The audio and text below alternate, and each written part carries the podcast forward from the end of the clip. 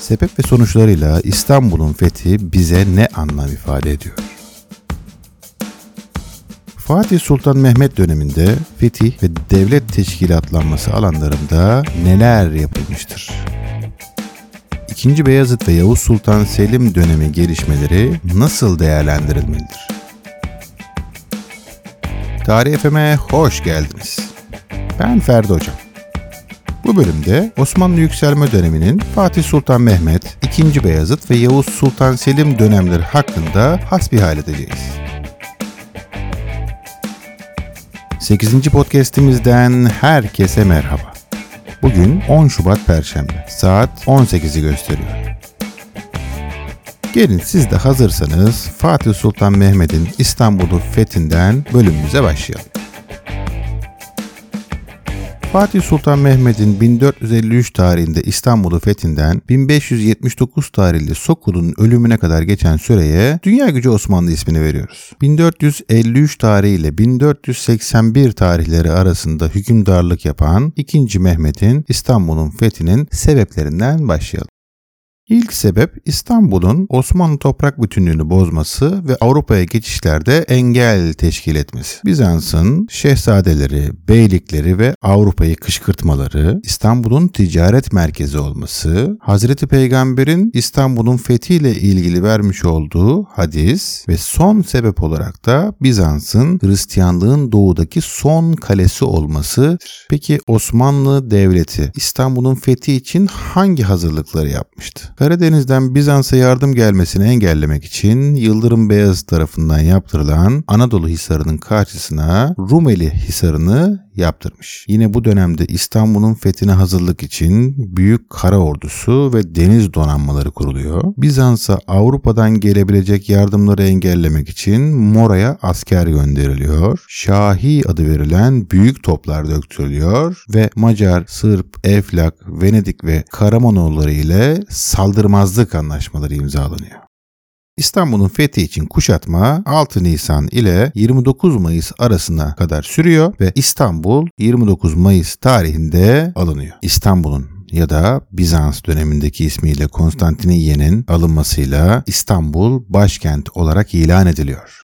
Yine İstanbul'un fethiyle beraber Osmanlı Devleti artık bir imparatorluk yani çok uluslu devlet haline geliyor. Bu fetihle beraber Boğazlar ilk defa Türk hakimiyetine girmiş oluyor. Osmanlı Devleti'nin Avrupa ve Rumeli toprakları birleşmiş oluyor. Hazreti Peygamber'in bahsettiği, hedef gösterdiği bir yerin alınması Osmanlı'nın İslam dünyasındaki öneminin son derece artmasını sağlıyor. Bu fetihle beraber beraber Avrupa'da Orta Çağ'ın bittiğini ve Yeni Çağ'ın başladığını söyleyebiliriz. Doğu Roma İmparatorluğu yani İstanbul, Bizans sona ermiş oluyor. Avrupa'da derebeylik rejiminin yıkıldığını, Rönesans ve coğrafi keşiflerin başlamasında İstanbul'un fethinin etkili olduğunu söyleyebiliriz. Yine İstanbul'un alınmasıyla beraber Osmanlı-Venedik ilişkileri de bozulma aşamasına giriyor. Son olarak da Ortodoks Kilisesi'nin Osmanlı himayesi altına alındığını söylemek etmek yerinde olacaktır. İstanbul'un fethi konusunu işlediğimize göre artık 2. Mehmet yani Fatih Sultan Mehmet dönemindeki diğer fetihlere bakabiliriz.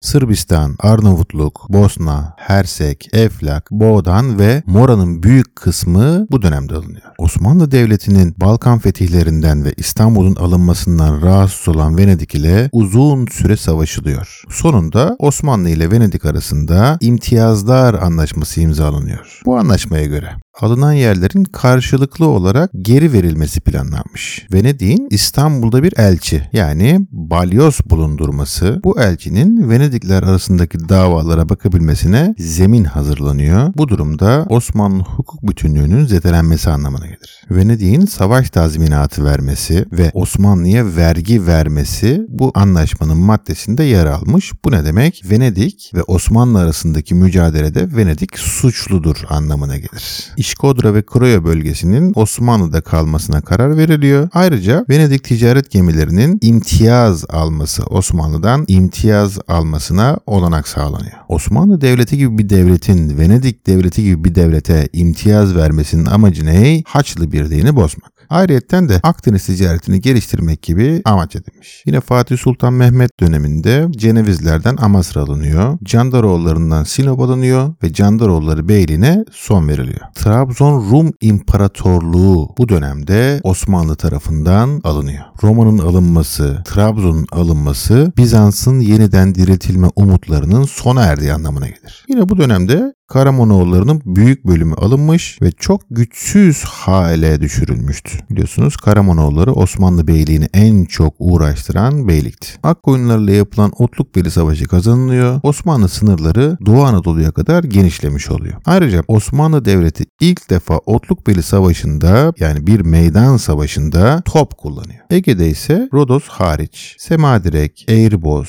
İmroz, Taşoz, Midilli, Limni gibi adalar alınıyor. Yani Ege adaları Rodos dışında alınıyor. Yine Fatih Sultan Mehmet döneminde Kırım'ın alındığını yani Karadeniz'in Türk gölü haline getirildiğini, Kırım Hanlığı'nın Osmanlı'ya bağlı olduğunu, İpek yolunun da Osmanlı Devleti'nin hakimiyeti altına girdiğini söyleyebiliriz. Kırım'ın alınmasıyla birlikte Cenevizlilerin Karadeniz'de de kolonisi yani sömürge bölgesi kalmadığını ifade etmek mümkün. İtalya'nın Otranto limanı kuşatılıyor ama Fatih Sultan Mehmet Han'ın vefatı dolayısıyla kuşatma kaldırılıyor ve bu dönem sona eriyor. Fatih Sultan Mehmet dönemindeki fetihleri anlattığıma göre bu dönemdeki diğer gelişmelere bakalım. İlk yazılı Osmanlı kanunu olan Kanunname-i Ali Osman bu dönemde çıkartılıyor. Kanunname-i Ali Osman'da tat kavgalarını önlemek için ve merkezi otoriteyi sağlamak için kardeş katlinin yasal hale getirildiğini görüyoruz. Divan üyelerinin görüşlerini görüşlerini rahat belirtmelerini sağlamak için padişahın divan başkanlığı etmesi uygulaması sona erdiriliyor ve divan başkanı olarak sadrazam kararlaştırılıyor. Padişahın divan başkanlığından ayrılması divanı danışma organı haline getiriyor. Daha öncesinde karar alma organı olan divan artık danışma organı haline geliyor. Ayrıca divan başkanı olarak da sadrazamın otoritesinin daha da arttığını görüyoruz. Osmanlı İmparatorluğu'nun ilk büyük medresesi olan Sahn-ı Seman medreseleri yine bu dönemde kuruluyor. İlk Osmanlı altın parası bu dönemde bastırılıyor. Yine bu dönemde devlet yönetiminde devşirmelerin yani kapı kullarının etkinliğinin arttığını söylüyoruz. Kapı kullarının etkinliğinin artması merkezi otoritenin arttırılması için yapılıyor. Topkapı Sarayı yine bu dönemde yaptırılıyor. Enderun Mektebi Topkapı Sarayı'na taşınıyor. Enderun Mektebi dediğimiz mektep devşirme kökenlerden üst düzey devlet memuru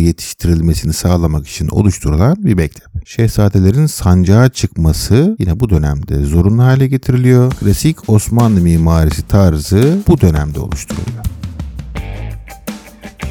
Fatih Sultan Mehmet'ten sonra tahta geçen hükümdar 2. Beyazıt. Veli ünvanı ile bilinmiş ve 1481 ile 1512 tarihleri arasında hüküm sürmüş. Bu dönemin ilk büyük önemli olayı Cem Sultan meselesi. Fatih Sultan Mehmet'in ani bir şekilde ölümü üzerine 2. Beyazıt tahta çıkıyor. Kardeşi Cem Sultan tahta hak iddia ederek isyan ediyor. Bu isyan sonucunda önce Memlüklere sığınıyor. Oradan Karamanoğullarına ve Rodos şövalyelerine sığınmak zorunda kalıyor. Oradan da Fransa ve İtalya'ya götürülüyor Böylelikle Cem Sultan olayı bir iç sorun iken dış sorun haline geliyor ve Osmanlı'ya karşı kullanılıyor. Bu Cem Sultan meselesi sebebiyle fetihlerin bir süre durduğunu, Anadolu'daki Şii propagandasına karşı gereken önemin verilmediğini, İspanya'daki Müslümanlara da yeterli yardım yapılmadığını söyleyebiliriz. Cem Sultan'ın vefatı ile mesele kapanıyor. Şimdi gelelim 2. Beyazıt döneminde başlayan Osmanlı Memlük savaşlarına. Osmanlı Memlük savaşları 1485 ile 1491 tarihler arasında sürüyor. Osmanlı ile Memlükler arasındaki savaşların en büyük sebebi İslam dünyasının siyasi liderliğinin mücadelesi. Sonrasında Fatih döneminde ortaya çıkan Hicaz su yolları meselesi ve Memlüklerin Cem Sultan'a destek olmaları. Yapılan savaşlar sonucunda iki taraf tarafta herhangi bir şey kazanamıyor ve 2. Mehmet dönemi yani Fatih Sultan Mehmet dönemindeki sınırlarına geri dönüyor. 2. Beyazıt döneminde Osmanlı Venedik'e karşı denizlerde üstünlük sağlayarak Modon, Koron, İnebahtı ve Navarin limanlarını alıyor. 1502'de bir anlaşma yapılıyor Venedik ile. Bu anlaşma ile iki tarafta aldığı yerleri geri veriyor. 1501'de Akkoyunlu Devleti'nin yıkılmasıyla kurulan Sasani Devleti'nin lideri Şah İsmail'in desteğiyle Şahkulu isyanı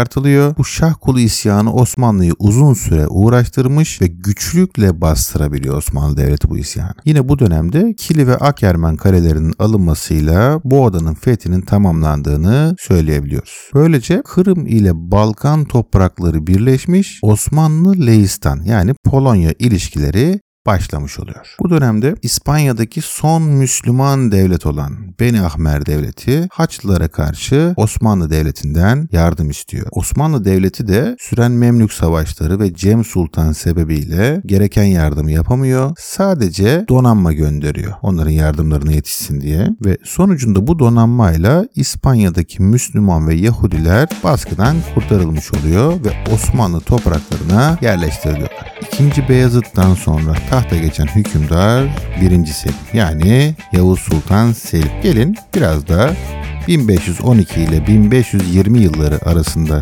hüküm süren Yavuz Sultan Selim dönemine göz atalım. Birinci Selim yani Yavuz Sultan Selim babası 2. Beyazıt'a karşı isyan ediyor. Yeniçerilerin desteğiyle tahta çıkıyor. Yeniçeri ocağının destek verdiği birinin tahta çıkması demek Yeniçeriler devlet yönetiminde oldukça etkili hale gelmişler demek. Bu dönemde 1541 tarihinde Safaviler ile yapılan Çaldıran Savaşı kazanılıyor ve Doğu Anadolu hakimiyeti sağlanıyor. Yine 1515 tarihinde Dulkadiroğulları Beyliği ile yapılan Turnadağ Savaşı'nda Osmanlı galip geliyor. Dulkadiroğulları Beyliği'nin alınmasıyla Osmanlı'nın Anadolu Türk siyasi birliği de kesin olarak sağlanıyor. Yavuz Sultan Selim bu gelişmelerden sonra Mısır seferine çıkıyor. 1516 tarihinde Mercidabık Savaşı ve 1517 tarihinde de Ridaniye Savaşı ile Memlüklere son veriyor. Memlüklerin alınmasıyla Mısır, Suriye, Filistin ve Hicaz Osmanlı hakimiyetine girmiş, baharat yolu hakimiyeti sağlanmış, Mısır hazinesi ve kutsal emanetler İstanbul'a getirilmiş, Venedik'in Kıbrıs için Memlüklere ödediği vergi Osmanlı'ya ödenir hale geliyor. Osmanlı İmparatorluğu baharat yoluna hakim olmasına rağmen buradan istediği geliri elde edemiyor. Çünkü coğrafi keşifler ile Ümitburnu Avrupa devletleri tarafından bulunmuş. Yine Memlük Türk devletinin alınması ile birlikte halifelik yetkisi de Osmanoğullarına geçiyor.